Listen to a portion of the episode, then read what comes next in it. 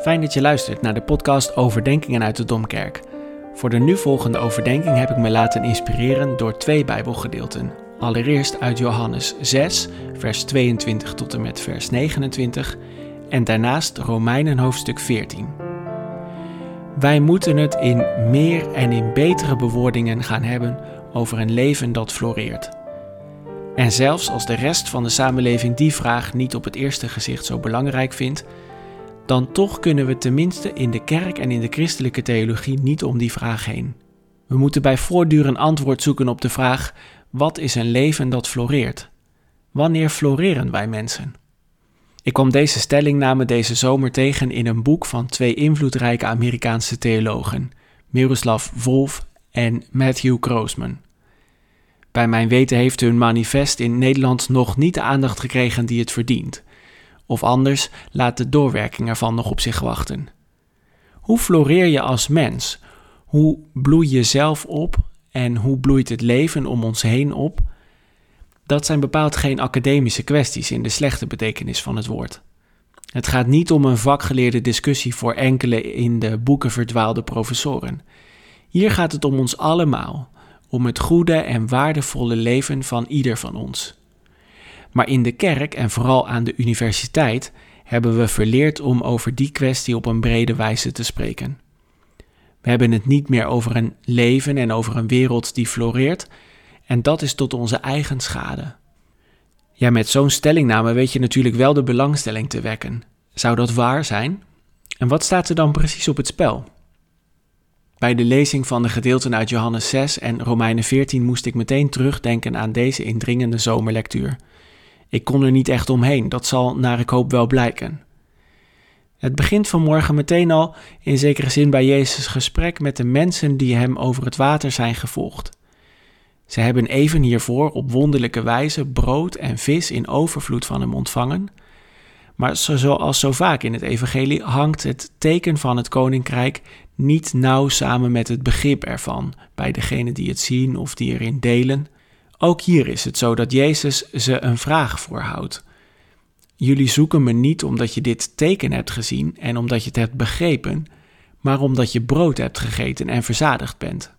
Anders gezegd, jullie hebben brood en vis ontvangen zonder ervoor te hoeven werken en je ervoer dat als een wilde waar je geen genoeg van kreeg.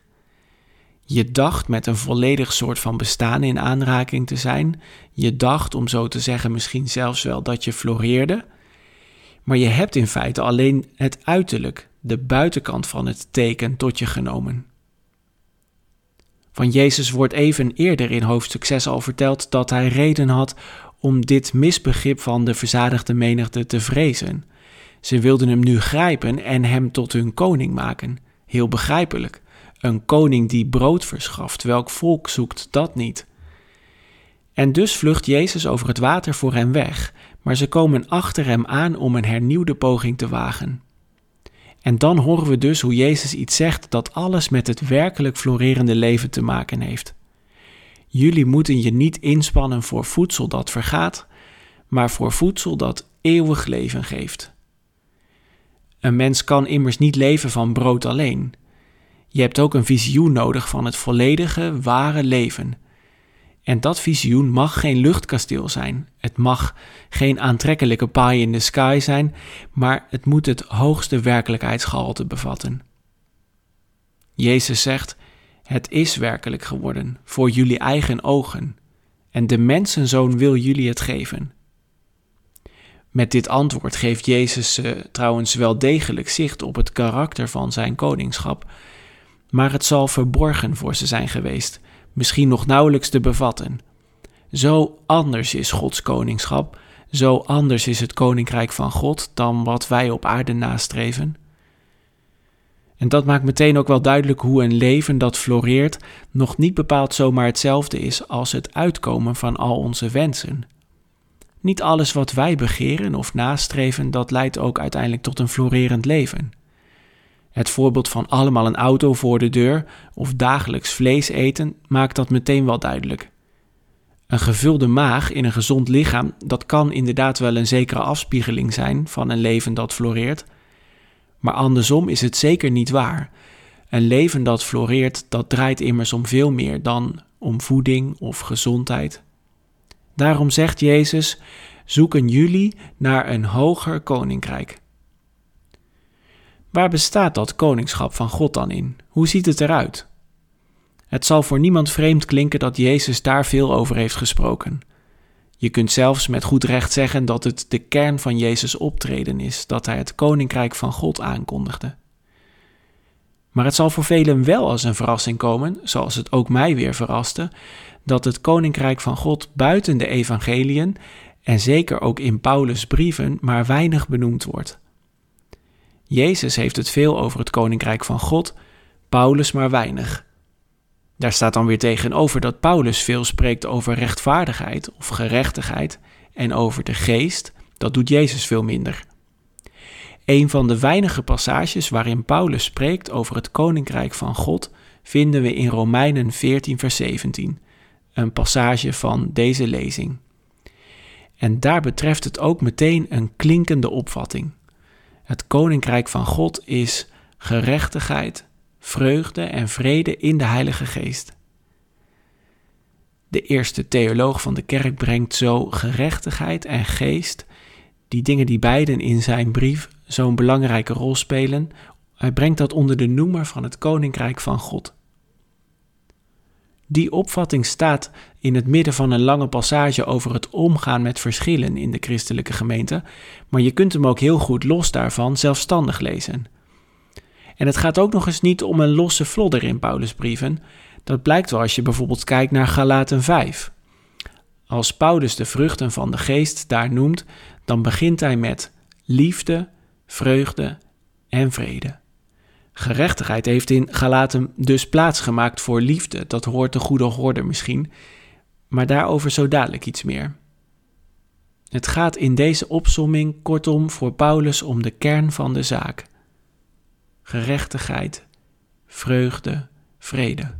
Vraag je hem wat God wil, waar zijn koningschap uit bestaat, dan antwoordt hij liefde, vrede en vreugde.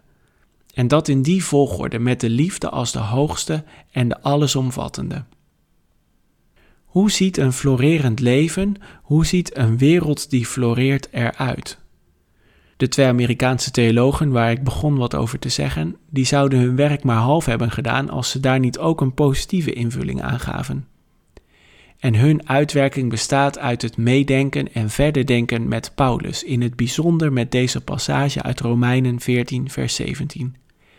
Hun uitleg is naar mijn idee de moeite van het delen waard. Om hem te begrijpen moet je eerst even stilstaan bij de vraag wat nu eigenlijk een florerend leven is. Hoe kun je daarover nadenken? In de talloze antwoorden op die vraag in de menselijke geschiedenis ontwaren Wolf en Groosman drie centrale kenmerken. Het zijn drie kerningrediënten, zou je kunnen zeggen, waaruit het goede, florerende leven altijd weer is samengesteld. Allereerst is een florerend leven een leven dat goed geleefd wordt. Dat wil zeggen, een mens handelt zoals hij bedoeld is om te handelen.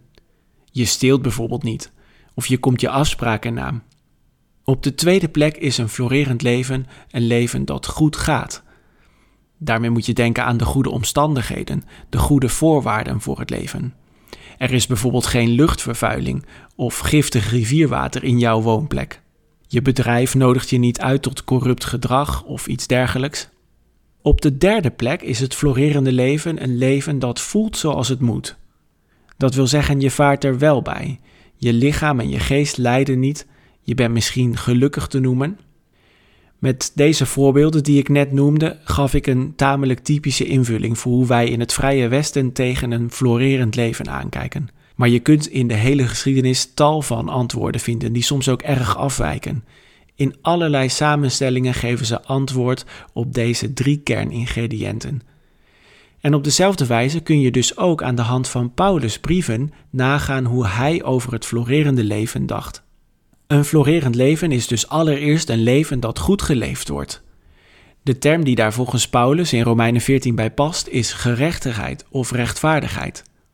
Met dat begrip benoemt Paulus de trouw van God aan zijn verbond met de schepping en met mensen. en wederzijds ook de trouw van, van mensen aan het verbond met God. Als een concrete uiting daarvan zie je dat terug wanneer mensen de wet van God houden. Mensen die trouw zijn aan het verbond met God, die streven ernaar om Zijn wet te houden. En de essentie van de wet is de liefde voor God en de liefde voor je naaste mens. Je kunt dus goed zeggen dat de inhoud van dat wat moeilijke begrip gerechtigheid de liefde is. Een rechtvaardig mens is een liefdevol mens. En dan wordt ook heel goed begrijpelijk dat Paulus in Galaten 5 dus met maar iets andere bewoordingen spreekt over de vruchten van de geest: liefde, vrede, vreugde en zo verder. Liefde is allerminst toevallig op de plaats van gerechtigheid uit Romeinen 14 komen te staan. Liefde is er de vervulling van. Kortweg zou je kunnen zeggen: een florerend leven is een leven dat liefdevol geleefd wordt. Dat klinkt misschien nog niet zo verbazingwekkend, maar wel de uitwerking die Paulus daar bijvoorbeeld in Romeinen 14 aan geeft, is verbazingwekkend te noemen. Want zo erg lief vinden ze elkaar in de Romeinse gemeente niet. Uit alles wordt duidelijk dat het een gespannen situatie is, met sterk uiteenlopende meningen en opvattingen van het goede leven. En in het bijzonder gaat het dan om de trouw aan de Mosaïsche wetten en gewoonten. Moeten die ook in de kerk blijven gelden? Een deel van de gelovigen komt in ernstige gewetensnood als ze die moeten loslaten. Een ander deel ziet juist niets liever dan vrijheid te hebben in Christus. En dan spitst het zich allemaal toe op de vraag wat je mag eten en wat je beter niet kunt eten om een ander niet tot aanstoot te zijn. En in die context zoekt Paulus er naar de tegenstellingen te overwinnen door de liefde. Het woord valt zelfs expliciet. Paulus roept de gemeente op om liefde na te streven. Ook als dat betekent dat ze zich moeten inschikken, dat ze moeten inslikken of zelfs dat ze moeten lijden omwille van een ander. Liefde is in deze wereldtijd vaak liefde in een merkwaardige of soms zelfs een leidende gedaante. Maar het is niettemin de liefde, de hoogste van alle geestesgaven. Een florerend leven is ook een leven dat goed gaat. Volgens Paulus is dat een leven dat in vrede geleefd wordt. En dan gaat het niet om slechts een innerlijk gevoel van harmonie of van kalmte. Dat is vaak onze reactie op een wereld waarin we vrede niet voor elkaar krijgen. Dat we ons dan terugtrekken op onszelf en onze aandacht verder aan onze eigen toestand besteden. Voor Paulus is vrede geen subjectief gevoel van mensen, maar een objectieve staat van zijn van de wereld. Waar liefde volkomen nagestreefd kan worden en ook verwerkelijkt kan worden, daar geldt dat niet voor vrede in deze wereldtijd. Je krijgt het altijd maar ten dele. En dus wordt een spanning hier extra voelbaar tussen wat je in deze tijd al kunt realiseren en wat je nog uitblijft om te verwachten. Ja, het koninkrijk van God ziet ook Paulus, dat is in Jezus aangebroken en tegelijk staat het nog als belofte uit. Als je streeft naar vrede, dan merk je dat het sterkst. Uiteindelijk is vrede die geheel de staat van mensen in verbinding met God en met elkaar. Maar tot dat uiteindelijke floreren intreedt, kunnen we er alleen maar met een zekere voorlopigheid naar streven. En dat streven naar vrede is dan ook het meest kenmerkende. Een florerend leven in deze wereld is niet altijd een leven dat vrede al volledig kent, maar het is wel een leven dat vrede altijd nastreeft. Ten slotte nog iets over een derde karaktertrek van het florerende leven. Het voelt zoals het bedoeld is.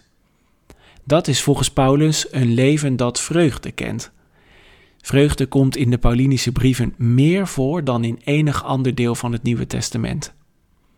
Wie nog denkt dat Paulus een conservatieve moralist is, die doet er goed aan eens al die vreugdevolle passages na te lezen. Het zijn er veel. Christenen zijn vreugdevolle, verheugde mensen, vindt Paulus. De primaire reden voor die christelijke vreugde is de altijd blijvende aanwezigheid van God.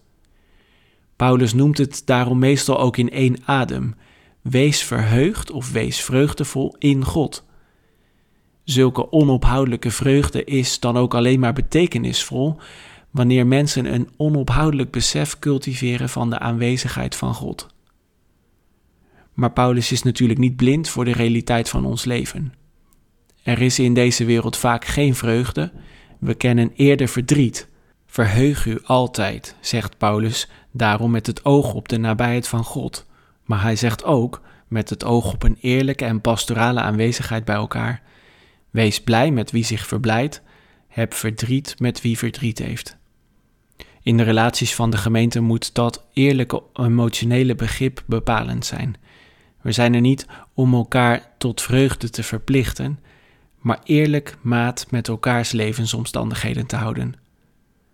Ook daarin merk je weer dat er een zeker spanningsvol gegeven zit in dat florerende leven, dat het florerende leven ook zijn eigen dynamiek geeft. Soms is er intense vreugde, soms intens verdriet, en wij zijn geroepen om nooit zo in het een op te gaan dat we het ander uit, oog, uit het oog verliezen. Ik rond af met één korte, maar belangrijke opmerking over de bijstelling die Paulus noemt. Het koninkrijk van God is gerechtigheid, vrede en vreugde in de geest. Eerder in de Romeinenbrief schreef Paulus al: Gods liefde is in ons hart uitgegoten door de Heilige Geest. Het is de Geest die ons deel geeft aan de liefde van Christus, die maakt dat Christus in ons leeft, zodat wij op onze beurt in Hem leven en dat is dus allemaal niet de verdienste van een ijverige of een buitengewone gelovige. Maar het is niets anders dan een geschenk. Het is een geschenk uit die geheel andere werkelijkheid van God, die zich onvermoeibaar blijft inlaten met onze werkelijkheid. Hij wil dat wij floreren. Hij wil dat de gehele schepping floreert zoals het eens was bedacht. Hij zoekt naar de aarde als zijn eigen woonplaats hij zoekt naar mensen om de dragers te worden van zijn heilige naam.